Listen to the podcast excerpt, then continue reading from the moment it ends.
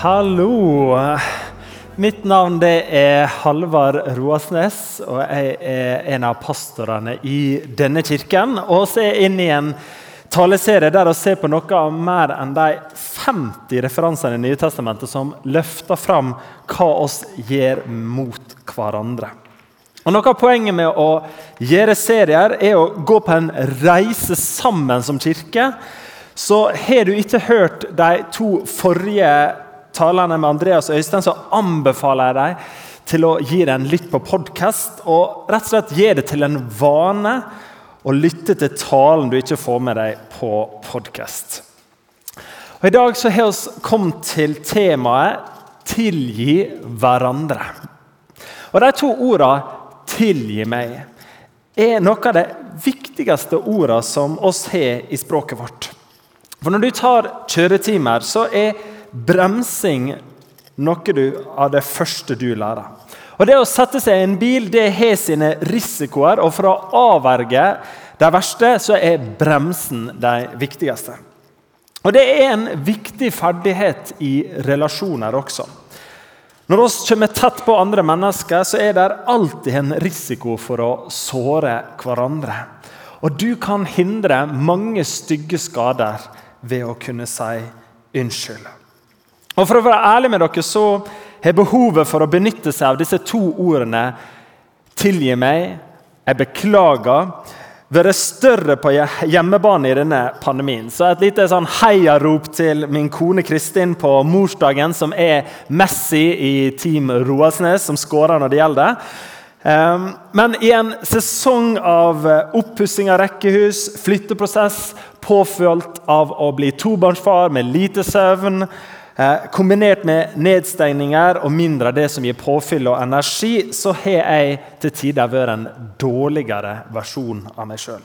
Jeg har vært mindre tålmodig med barna, jeg har lytta dårligere til min kone, jeg har vært eh, svakere på husarbeid og jeg har vært mer selvopptatt. Og Selv om oss er klare til å inngå kompromisser, løse problemene som dukker opp, så de ikke har blitt en sånn låst eh, situasjon, så er det likevel slik at de dårlige episodene i livet de etterlater seg noen skrammer.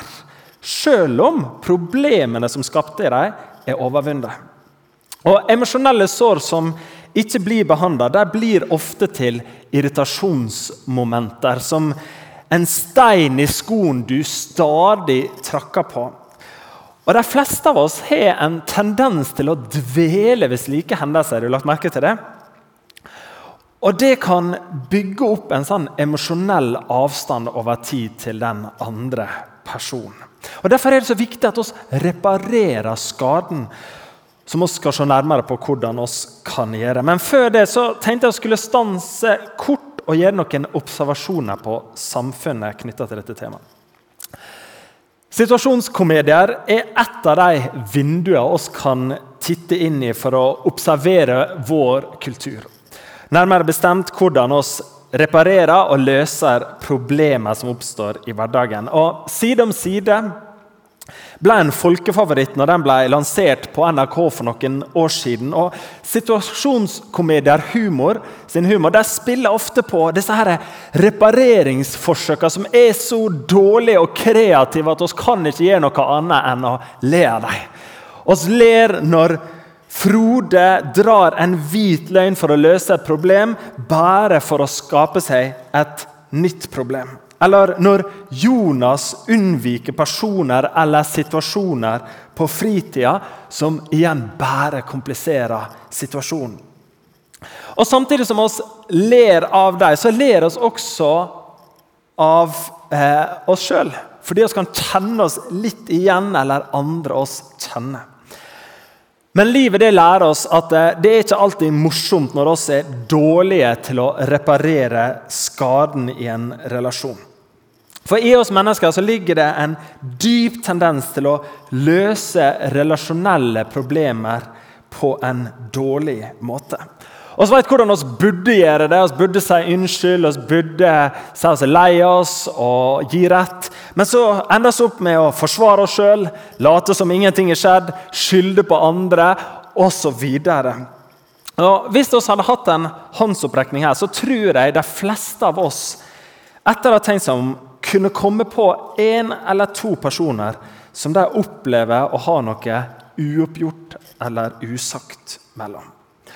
Og Det er mange eksempler på at oss gjør skade på våre relasjoner samtidig som vi ikke evner å reparere dem. Ekteskap som går i stykker, arbeidskonflikter, når venner blir uvenner. Og ser det i den enorme etterspørselen av terapi, økingen av sivile rettssaker. Og så er det fokus på HR-kompetanse i arbeidslivet, der vi skal få inn eksperter som skal hjelpe oss hvordan oss skal bli bedre til å relatere til hverandre. Og ikke minst i medias fokus på relasjonelle problemer i alle mulige slags betalingsartikler. Og oss er jo ufullkomne mennesker. Av denne grunn så vil behovet for å gi og motta unnskyldninger være med oss helt til vårt siste åndedrag. Og når de er gjort riktig, så kan beklagelser være veldig helbredende. Men når de uteblir eller er gjort dårlig, så kan de kunne gjøre stor skade på en relasjon og noen ganger føre til slutten av en relasjon. Så Unnskyldninger og tilgivelse det er sentralt for alt oss har kjært. For familie, for ekteskap, for arbeidsliv, for foreldre, for vår evne til å elske oss sjøl og elske andre mennesker. Og Med den bakgrunnen så håper jeg at du er klar for å hoppe videre inn i hva mesteren sjøl, som evner seg tilgi dem på korset, har å lære oss om å tilgi hverandre. Og Vi skal lese sammen Lukas 17, vers 1-4. Og Dette er det nærmeste du kommer til en sånn alltid en tekst om det Jesus har å si om forsoning. Og merk at eh, Produksjon av bøker det var svært dyrt og vanskelig på denne tida. Og Sjangeren er derfor ikke sånne lange gjengivelser av hele Jesu undervisning, men det er et sammendrag av hovedessensen. Oss leser sammen. Han sa til disiplene sine.: Det er ikke til å unngå at forførelser kommer, men ved den som de kommer fra. Det ville være bedre for ham å bli kastet i havet med en møllestein om halsen enn at han skulle lokke en av disse små til fall. Ta dere i vare. Dersom din bror gjør en synd, så tal ham til rette, og hvis han angrer, så tilgi ham. Ja, om han synder mot deg syv ganger på samme dag, og syv ganger kommer til deg, 'Jeg angrer', så skal du tilgi ham.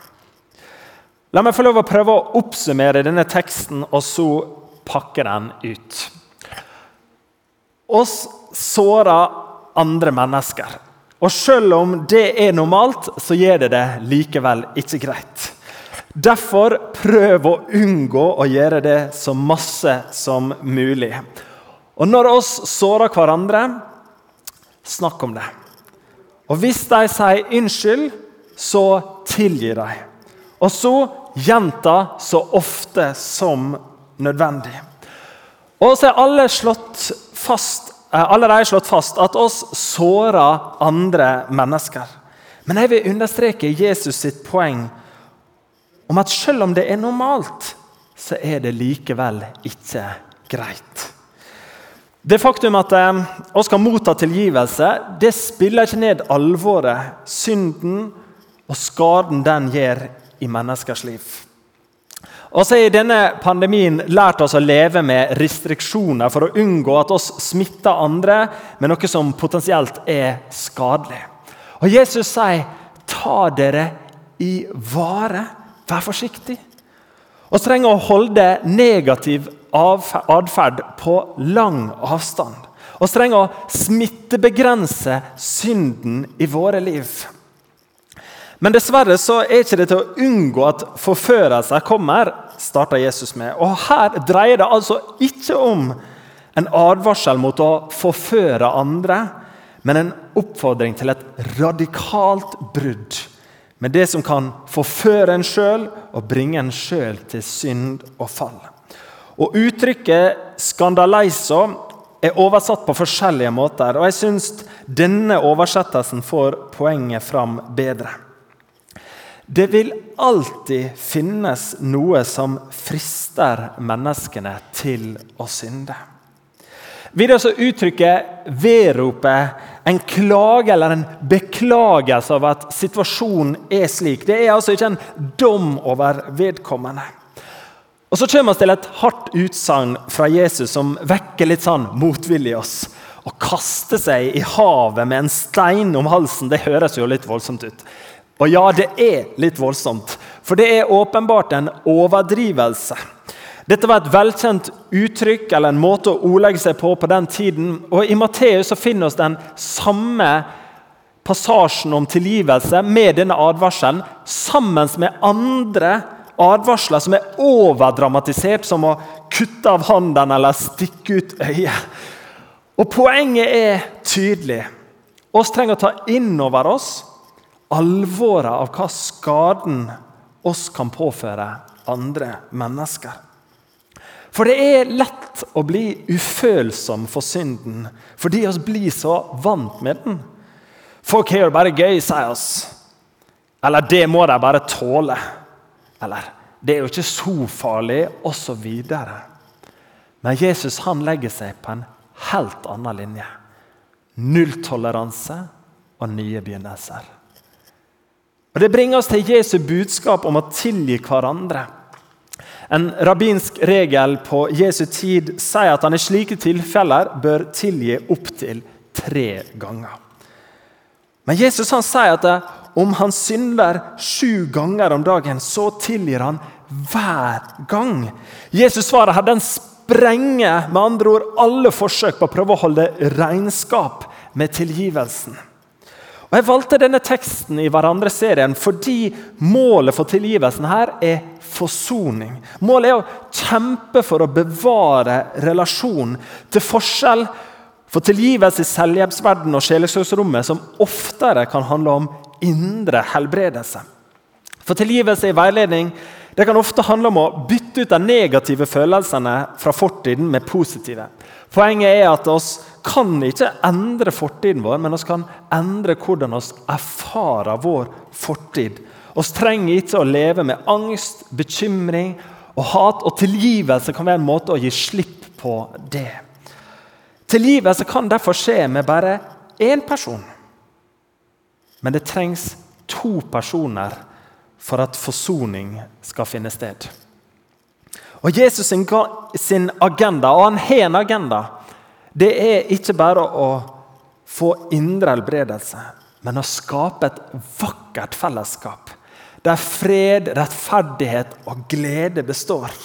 Og Jesus var fullt klar over at relasjoner det er vanskelig. Og Han peker derfor på tilgivelse som helt essensielt for å bygge bærekraftige relasjoner.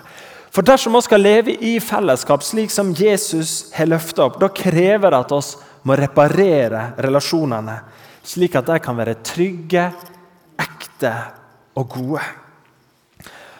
Og Her er jeg som pastor behov for å påpeke en liten ting. Tilgivelse er derfor ikke nødvendigvis det samme som gjenopprettelse.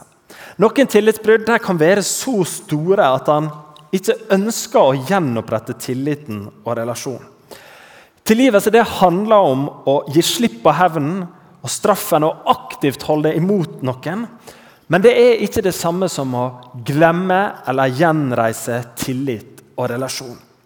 Og Realiteten kan også noen ganger være at det enkelte er så destruktive og sinte at det kan være behov for å trekke seg unna vedkommende til det er klar for en forsoningsprosess. Og Jesus han forventer ikke at oss alltid blir forsona med en person. Men han løfter opp at oss alltid må tilgi.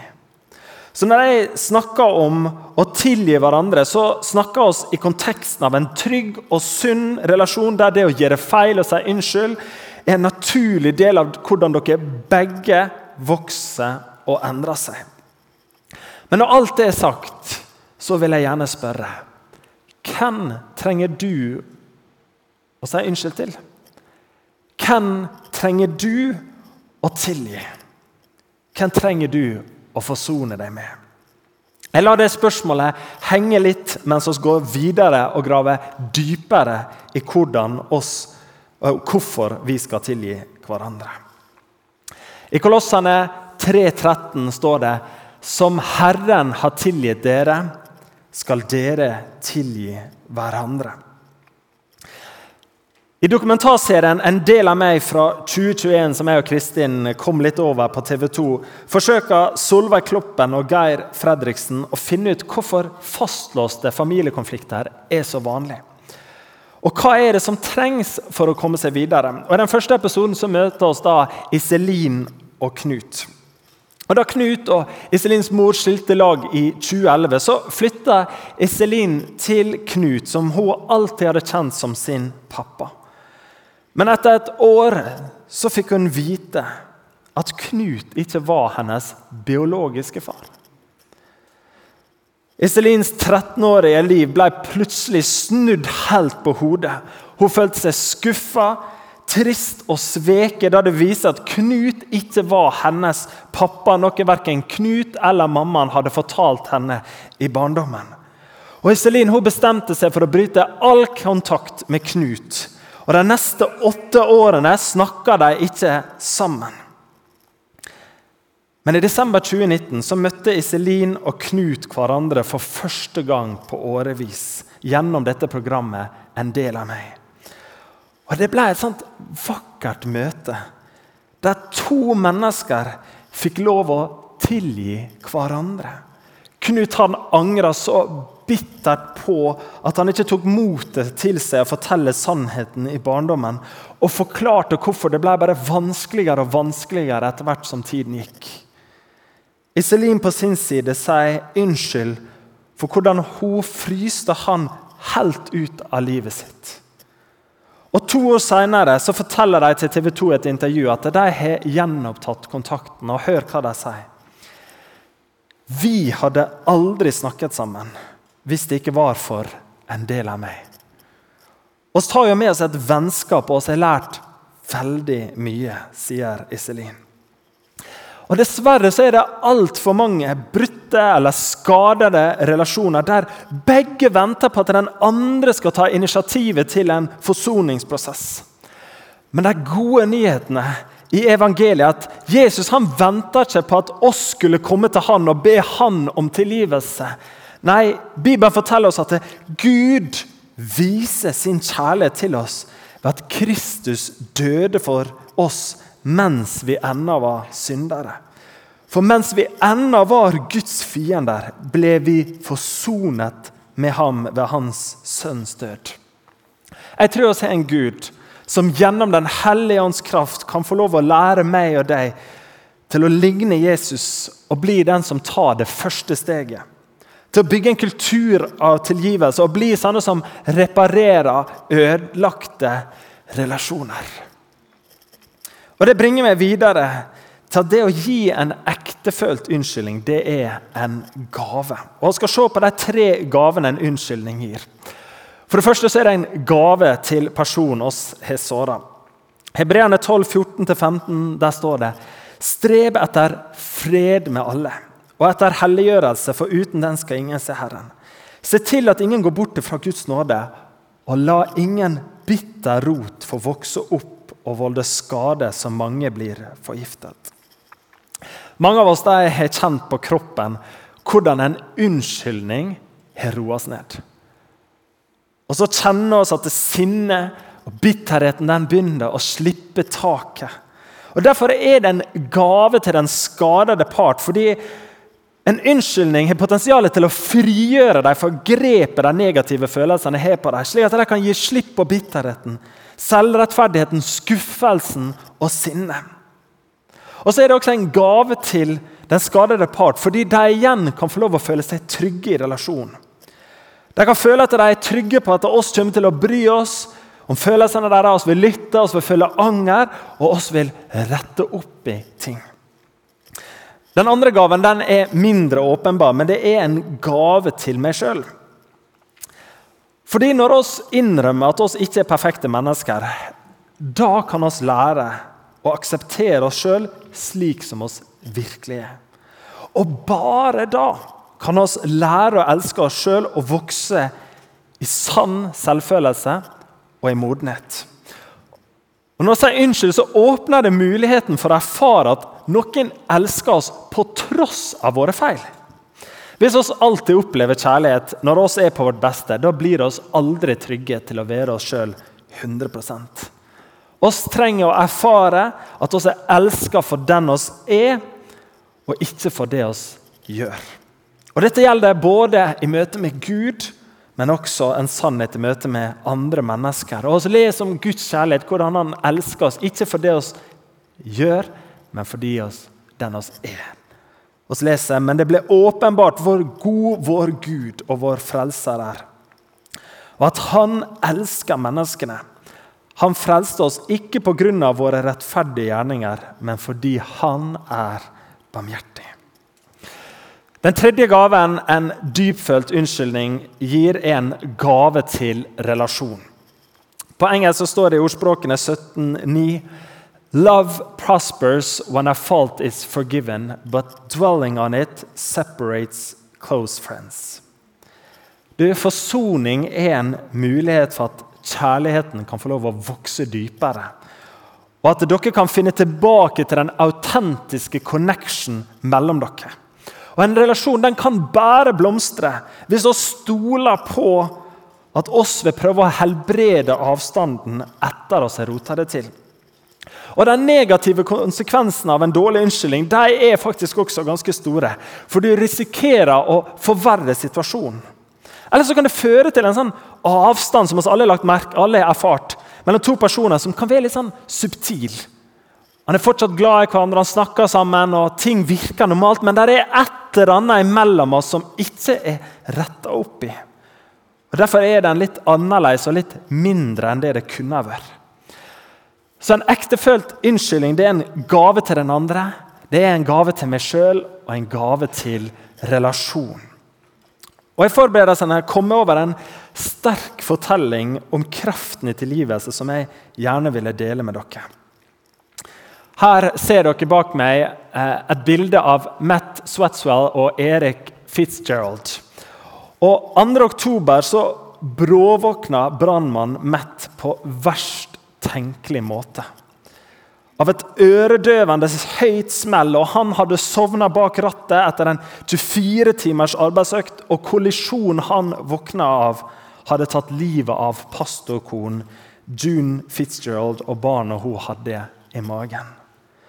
Og Pastor Eric Fitzgerald han sørga sammen med nær familie og venner da han begynte å be for mannen som hadde tatt livet av konen. Og Han tok seg sjøl i å sitere bibelverset for alle som var der. Vær gode mot hverandre, vis medfølelse og tilgi hverandre slik Gud har tilgitt dere i Kristus. Det gikk to år uten at de snakka sammen, til de plutselig møtte hverandre på parkeringsplassen utenfor dagligvarebutikken. Og Erik kan la merke til Matt på avstand og hvor plaga han var.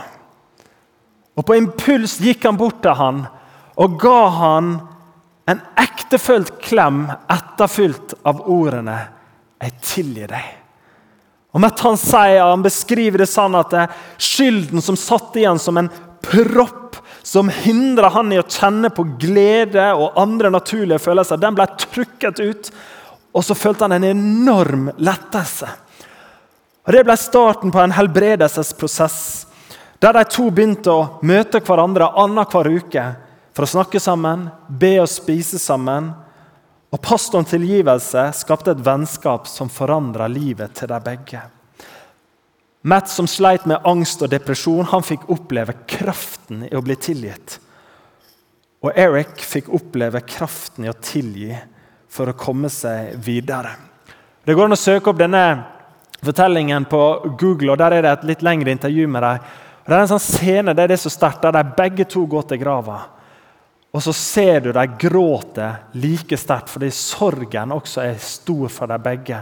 Den ene av å ha ødelagt et liv, og den andre av å miste en kjær i sitt liv. Og Jeg vil stille spørsmålet til oss igjen. Hvem trenger du å tilgi eller be om tilgivelse til. Avslutningsvis så vil jeg dele om hvordan vi kan gi en sånn ektefølt unnskyldning. Og så vil jeg snakke om et hinder oss må komme over for å komme dit på veien.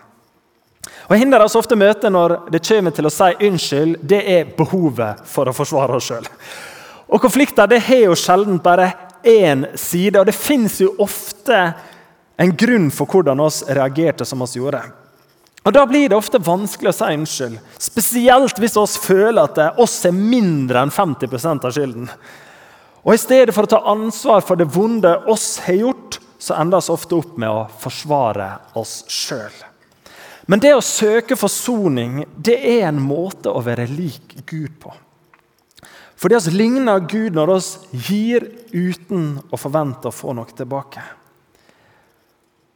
I Lukas 6, 35-36 så sier Jesus.: Elsk deres fiender. Gjør godt og lån bort uten å vente å få noe igjen. Da skal lønnen deres være stor, og dere skal være den høyestes barn. For han er god mot de utakknemlige og onde. Vær barmhjertig, slik deres far er barmhjertig. Du, Gud han vet hvordan det er å være god, uavhengig av hvordan, om noen fortjener det. Og Gud han søkte forsoning med oss før oss erkjente vår feil. Fordi Gud han elsker oss, og for ham er relasjonen til meg og deg det viktigste. Og Jeg likte så godt et sitat, jeg kom over. at Hver gang Gud tilgir oss, så sier Gud at relasjonen han ønsker med oss, det er viktigere enn reglene. Og Det kan hende du kjenner på en emosjonell avstand til Gud. At du kjenner at eh, dere er ikke helt på bølgelengde. Den connection som dere ikke hadde, den er ikke der lenger. Og du har gjort ting i livet ditt som er feil, som var vondt, som du opplever hindrer litt den connectionen til Gud. Jesus han har dødd for deg, sånn at du kan få tilgivelse. Og det er mulig å ta imot Guds tilgivelse og nåde og begynne med blanke ark igjen. Og Det vil jeg bare invitere deg til når du skal ta imot nattverden. Men tilbake til en ektefølt unnskyldning. Den blir ikke fanga opp i hvem som er skylden eller hvem som har starta krangelen. Nei, I stedet så ber oss om tilgivelse for vår del av skylden, selv om den andre personen ikke engang klarer å erkjenne sin del. Og Jeg vil invitere deg de neste minuttene til å be over om det er noen du trenger å forlike deg med. For jeg tror at Det skjer et eller annet i Guds nærhet som gjør at oss blir litt mer sensitive, litt mer oppmerksomme på det som oss trenger å fikse i livene våre når oss er samla i Guds nærhet. Jesus han antyder det samme i Matteus 5, 23-24, der han sier om du bærer offergaven din fram til alteret, og der kommer til å tenke på at din bror har noe imot deg, så la gaven ligge foran alteret og gå først og bli forlikt med din bror så kan du komme tilbake og bære fram offergaven din. Kanskje kan du notere ned den personen du trenger å snakke med. Og Hvis du trenger å si unnskyld, så kan det være et godt prinsipp å sette ord på det konkrete feilen du gjorde, og skaden du så det påførte. Gi en ektefølt unnskyldning uten forbehold eller bortforklaringer, og gjerne Fortell hva du skulle ønske du gjorde i stedet. For En god unnskyldning det handler mer om hvordan det har vært for den andre å bli skada, og mindre om hvorfor du reagerte som du gjorde. Og Jeg skal nå høre en sang om Guds nåde og tilgivelse for oss. og Min bønn er at det, når oss ser hvordan Gud har tilgitt oss, at vi skal få kraft til å tilgi hverandre. Amen. Du har nå hørt en podkast fra Filadelfia-kirken i Oslo. Vil du vite mer om oss, gå inn på filadelfia.no. Og ikke minst velkommen til å feire gudstjenester med oss hver eneste søndag, enten fysisk eller online.